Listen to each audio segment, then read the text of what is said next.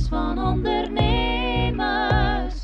Dochters van ondernemers.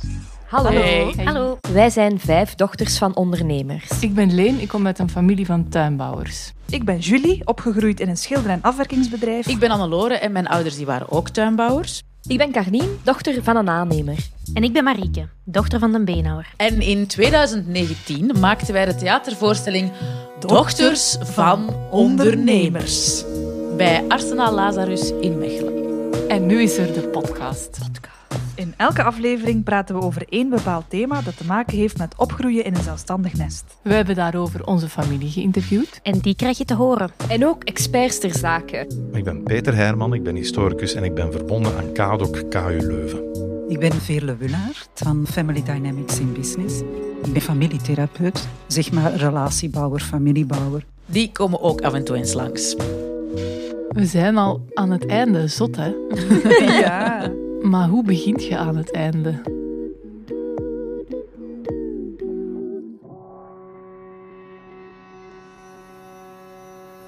Het is, het is veel leuker te starten dan te stoppen. Want als je, als je start, dan kun je elke dag iets nieuws kopen, of dan moet elke dag nog iets nieuws zien, of je moet elke dag iets moeilijk oplossen en je lost dat op. En als je moet stoppen, dan moet al die brol die je al eh, liquideren met meneer van spreken. Of, of, en, en je kunt het dan allemaal, maar je moet het allemaal achter je laten, dat is spijtig. Ik heb mijn magazijn helemaal weggegooid, gewoon op sturt. Allemaal dingen die ik weet niet wat moeite hebben gekost voor dat er niet te krijgen. Mal en, en dingen, en machinerie, dat je allemaal speciaal het laten maken of zelf heeft gemokt en uitgevonden. En je gooit dat gewoon allemaal op de uitdager. Nou, wat was het? 25 cent per kilo.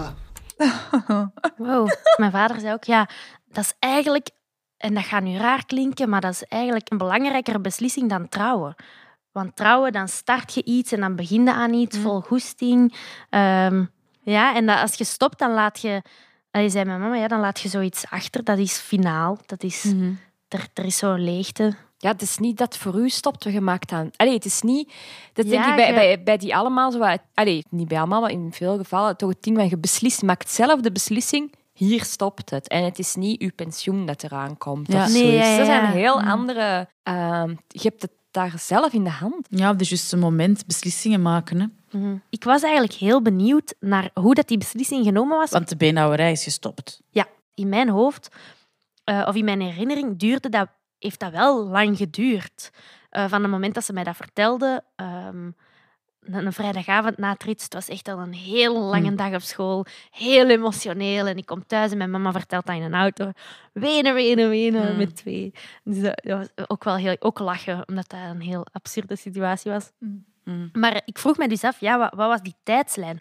En al bij al heeft dat hele proces amper een jaar geduurd en is de beslissing, eh, van de beslissing tot de laatste dag winkel, heeft dat maar drie maanden geduurd. Ah. In januari 2015 kwam eh, Linda van de Beenhouwersbond met een tip voor een interim bij de PIVA, dus als leerkracht slagerij. En mijn vader was, zo, was wel geïnteresseerd, hij heeft het dan gedaan en dat is goed bevallen.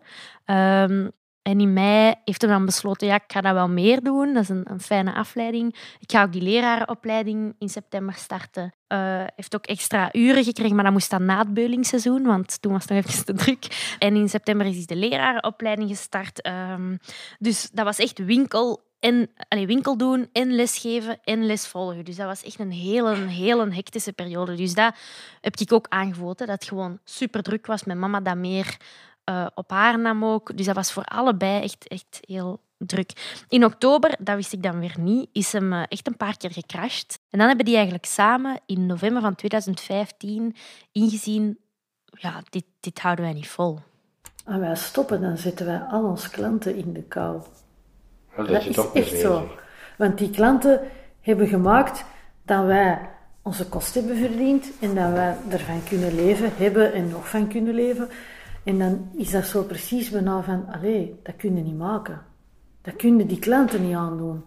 Dat was heel ambetant. Ja. Tuurlijk. Als die beenhouwerij stopt, dan moet die op zoek naar een nieuwe winkel. Ja.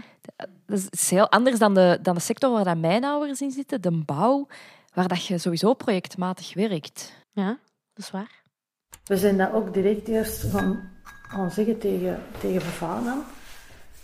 Met een bang hartje. Met een van ja. Want dat is natuurlijk ook een stukje zijn levenswerk, het levenswerk van zijn vader, van die zijn vader, en gaat zomaar tot in de 1800. Hè.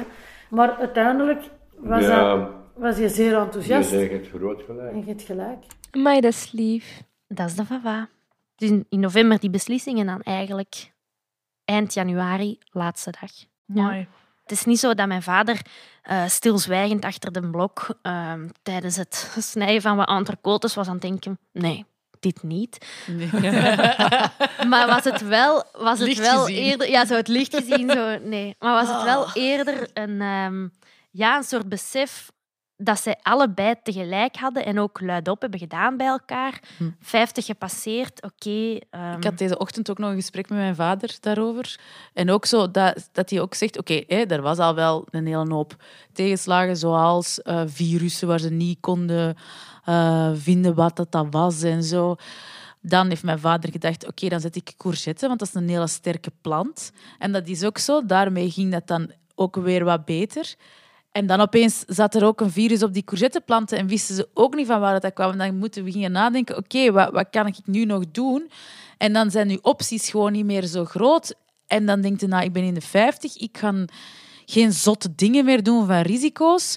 Als jonge gast blijft inderdaad gewoon verder doen. Maar op een gegeven moment denkt je, goh, wat wil ik nog in mijn leven? En dan was dat eigenlijk ook... Uiteindelijk willen wij belanden op een appartement in het centrum van het dorp. En als we dus dat willen, dan moeten we misschien nu de beslissing maken om ermee te stoppen, zodat we er nog iets aan overhouden. Zodat we dat kunnen verkopen allemaal en dat we dat appartement kunnen gaan kopen. De puzzel leggen noemt mijn vader dat. Je hebt slechte puzzelstukjes, die dan zo, oh, de, de tegenslagen en de dingen die het moeilijk maken. En dan de goede puzzelstukjes en dat je dat dan begint te leggen. En je hebt een affe puzzel, ja, dan moet je daar wel voor gaan.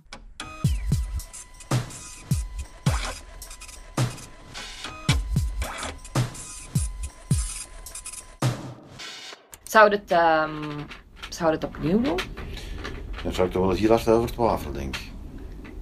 Met de huidige computertoestanden en zo, denk ik dat het Nee, maar ons een beetje moeilijk is. Gewoon, stel nu dat je, dat je onder de condities van 15 jaar geleden al die administratie minder. Ja, dan, dan is Dan er geen direct. probleem, hè. Ja, direct. Is er geen Dan probleem. waren we ook nooit niet gestopt, hè? Dan waren we niet gestopt, ook niet.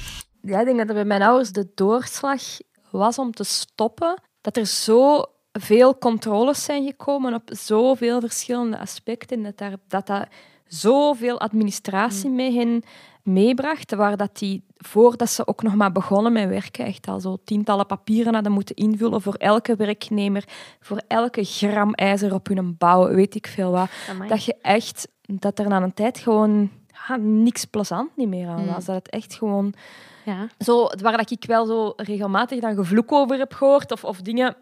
Allee, ja, dat, dat zijn dingen die ik gehoord heb. Hè. Of hoe dat, dat precies zit, dat weet ik natuurlijk ook niet. Maar, maar eh, bijvoorbeeld het ding... ehm, er was zoiets met dat als je een werkman, als die begint te werken op een werf, dat hij in orde moet zijn en ingeschreven moet staan, dat hij daar op die plek aan het werken is. Maar ehm, ja, stel dat je dan zo vier, vijf werven moet combineren en dat, je, eh, dat regent en je vertrekt naar een andere werf om daar te beginnen verder te werken, ja, dan is die mens dus niet meer in orde. Dan moet hij dus een nieuw papier hebben, dan moet hij daarvoor ingeschreven worden. En als, er dan, als hij dan nog een keer terugkomt naar die eerste werf, ja, maar dan moet hij opnieuw... Allee, dus, dat is echt... Allee! Want ja, dat er papierwerk bij komt kijken en, en dat je dingen in... Allee, dat is logisch, maar als je geen ruimte meer hebt om echt je ding te doen en daar wat vrijheid of... of, of, of je- ja, dan, dan houdt het niet vol. Ik denk dat reglementeren dat dat wel iets goed is, maar het gaat erover over hoe bureaucratisch dat je systeem eh, reglementeert.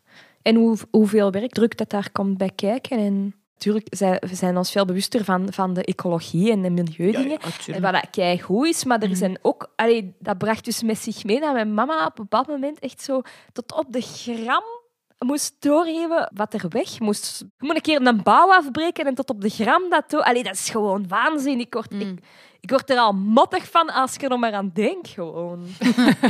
Ja, dus de afkeer voor eh, administratie en paperasserij, dat is ook zeer ingebakken in het vertoog van de zelfstandigen.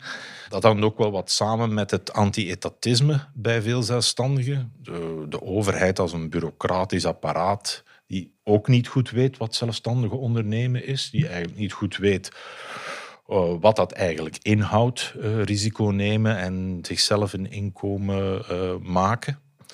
Ehm, al die reglementeringen en zeker de papierwinkel die daarmee gepaard ging, die werd zeer negatief gepercipieerd. Dat gaat al van de eerste reglementeringen voor het installeren van motoren in de 19e eeuw tot ja, de eerste min of meer verplichte boekhoudingsreglementen die na de Eerste Wereldoorlog opkomen in de jaren 70 met de invoering van de BTW, die opnieuw een belangrijke administratieve last en ook financiële last op het zelfstandig ondernemen legde, hebben veel uh, gezinnen uh, toen besloten om er ook mee te stoppen. Bij mijn familie was het einde geen keuze. Het tuinbouwbedrijf is failliet gegaan. En hoe dat, dat gekomen is, vertelt mij nicht zeer kort samengevat Mhm. op deze manier. Het is eigenlijk zo, onze papa heeft een risico genomen als hij 40 jaar was. Dan eh, was hij nog met de oude serre van de Wava. Windgelak vandaag, de achterkant van die serre altijd eruit. Die ruiten kapot, altijd stukken. En dan moest hij de keuze maken, oftewel ga ik nu stoppen, oftewel moet ik vernieuwen. En hij is toen gegaan voor vernieuwen, investeren, hè, zware lening aangegaan. En vanaf het moment dat hij dat gedaan heeft, tien jaar later, was het voorbij. Omdat hij heeft geïnvesteerd, en eh, dat is eigenlijk dat je een huis koopt, je moet de lening afbetalen. En die tomatenprijzen, dat zakte als een pudding in elkaar, door de concurrentie van het buitenland, hè, goedkope Spaanse tomaten.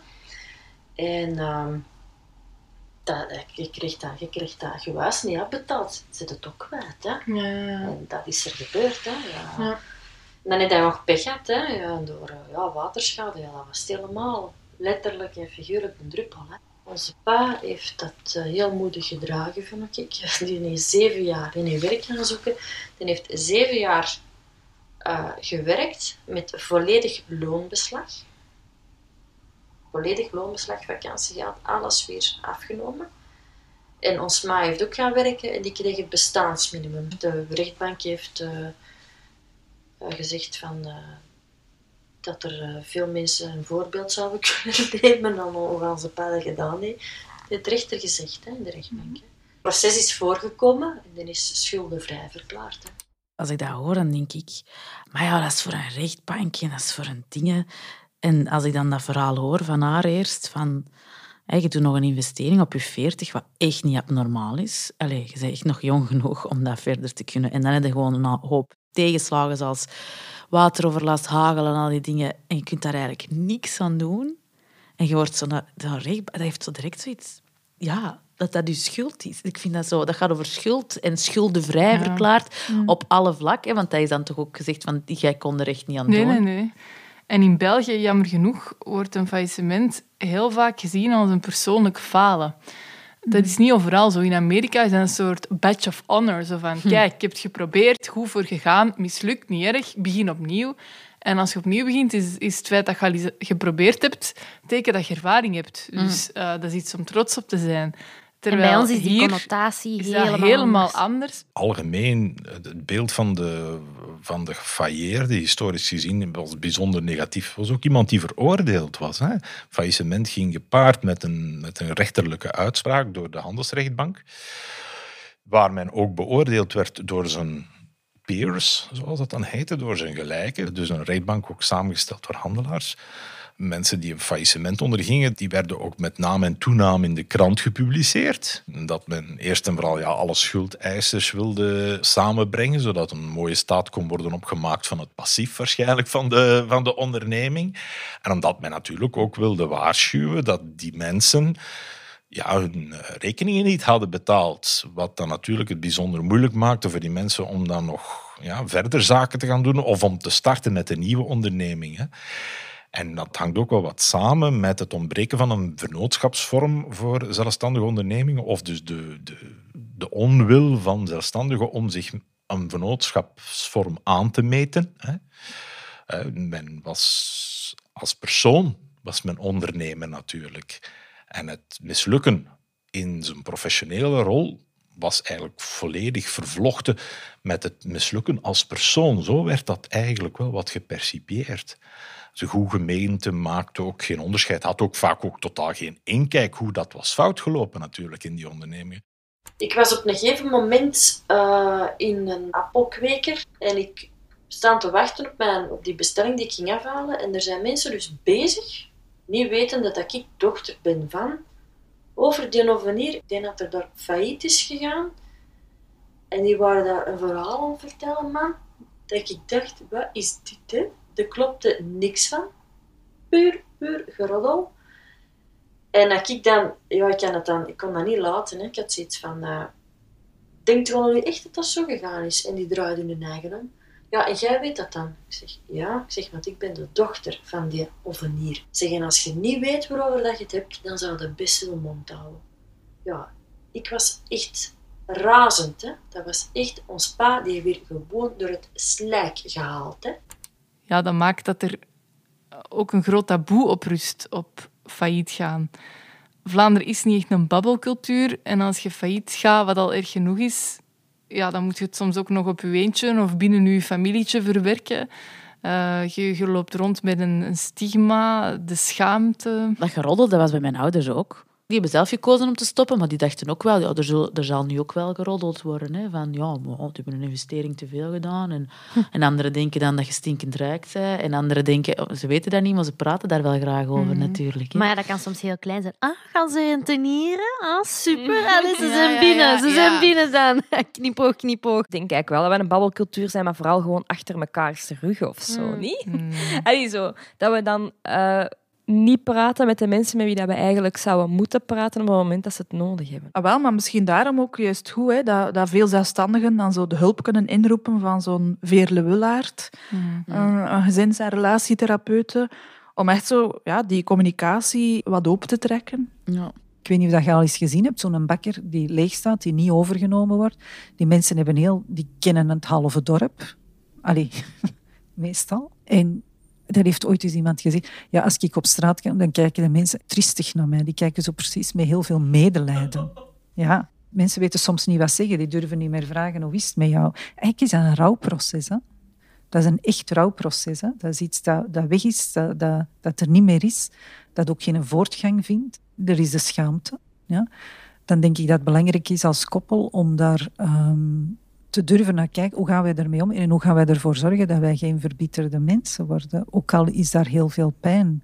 Wat kan er nog wel? Hm? Er zijn mensen die blijven um, hangen in van zie eens hoe ver dat gekomen is. Hm? En dat, ik snap dat ook. Je moet ook een stuk zelfcompassie hebben, dat is erg. Maar je moet ook durven kijken van ja, hoe willen wij de komende twintig jaar of, of dertig jaar nog met ons leven omgaan. Hm? Wat willen wij verder doen? Wat willen wij betekenen voor onze kinderen? Wat willen wij betekenen voor onze kleinkinderen? Wat willen wij... Sommige mensen die, die vinden toch de kracht om verder te gaan. Hè? Van, kijk, we kunnen nu blijven kijken naar wat we niet meer hebben, maar laat ons eens kijken van wat we verder kunnen met ons leven op een andere manier. Sommige mensen zijn ook heel opgelucht. Hè? Dat, is ook echt zo. Hè? Dat ooit geweten van, ja, we zijn eigenlijk blij dat de kinderen dat niet hebben overgenomen en we, hebben, we zijn ermee gestopt, maar het is goed zo. We hebben ons appartement aan de zee en uh, kunnen daar naartoe.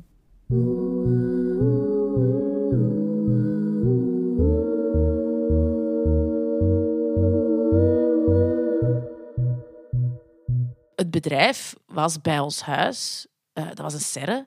Hè? Uh, die werd afgebroken, dat alleen al. Dat is zo... Oh, waar ik ben opgegroeid, waar ik gespeeld heb, waar ik mm. zoveel herinneringen heb. Dat wordt afgebroken, dus dat bestaat niet meer.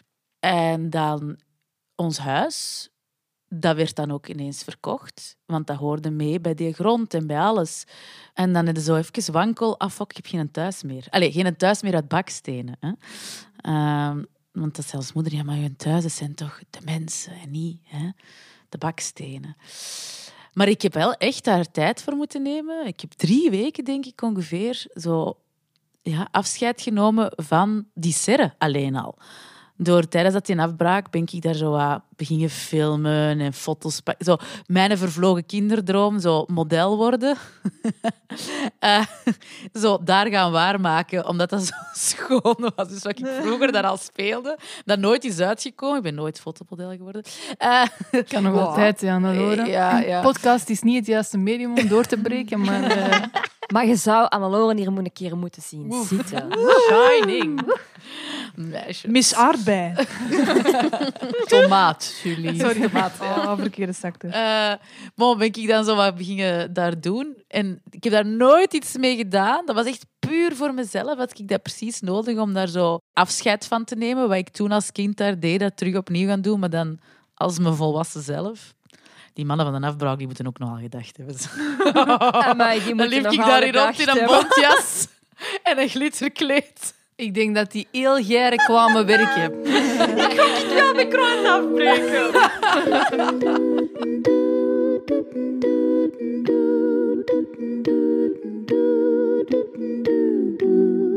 Ik vind dat wel fascinerend, hoe dat wij als kinderen van ook zo eh, afscheid hebben genomen van het bedrijf. Ja. Eigenlijk, wij zijn er allemaal een beetje van verschoten hoe rationeel dat die ouders daarmee kunnen omgaan.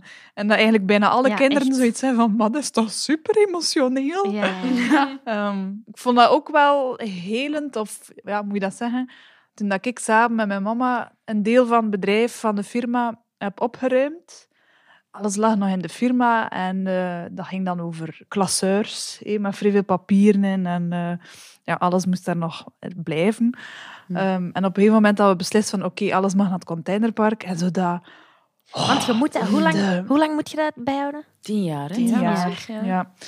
Maar de, ah, de, die papieren uit die klasseurs tre- en, en dat in die vuilnis zaten Ja. doen. En, zo. en vooral omdat mijn mama en ik dat gedaan hebben, want mijn papa was toen al gestorven.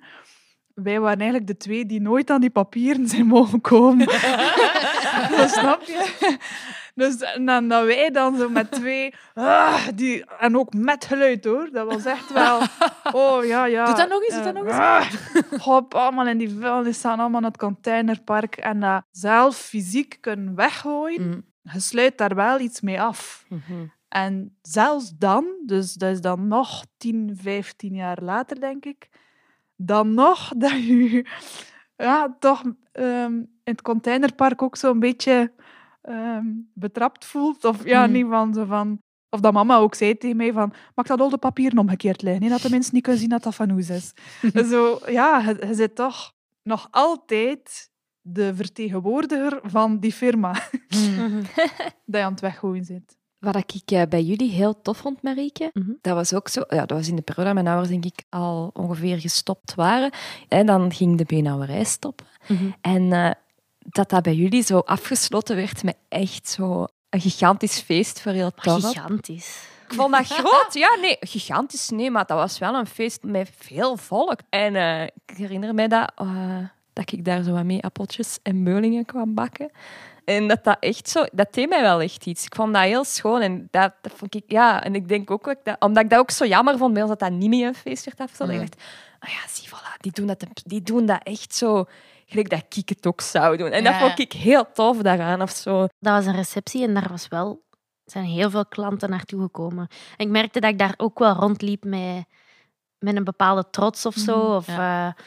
ja, ook nog wel ja, eh, een beetje emotioneel, maar, ik, maar ook wel met trots. En omdat ik de laatste jaren van de winkel ook op zaterdag mee in de winkel stond, kende ik ook wel heel veel Mm. mensen. Allee, kon ik daar ook, zoals wat eigenlijk mijn mama doet, gewoon onthouden wat die u vertellen. En ja, dat Hmm. doe ik dan ook, dus dan kan ik die daar ook over aanspreken. Mhm. of zo. Ja, ik weet niet of je...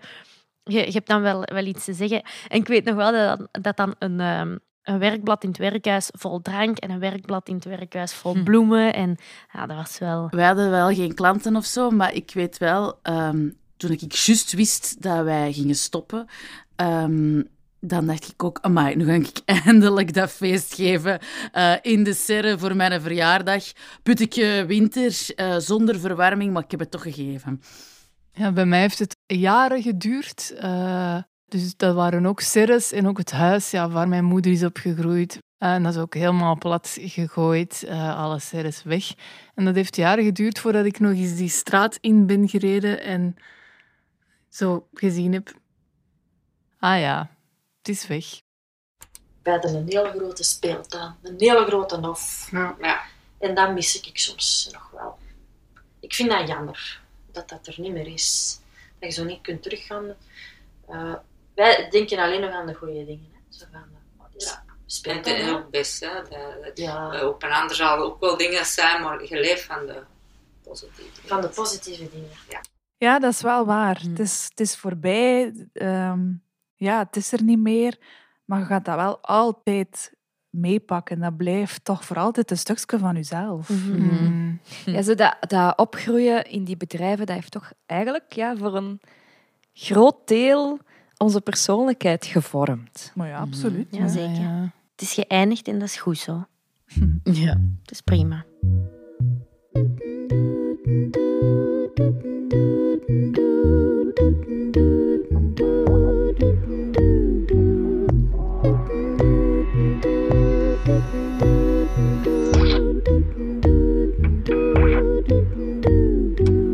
Was Einde, de laatste aflevering van Dochters van Ondernemers.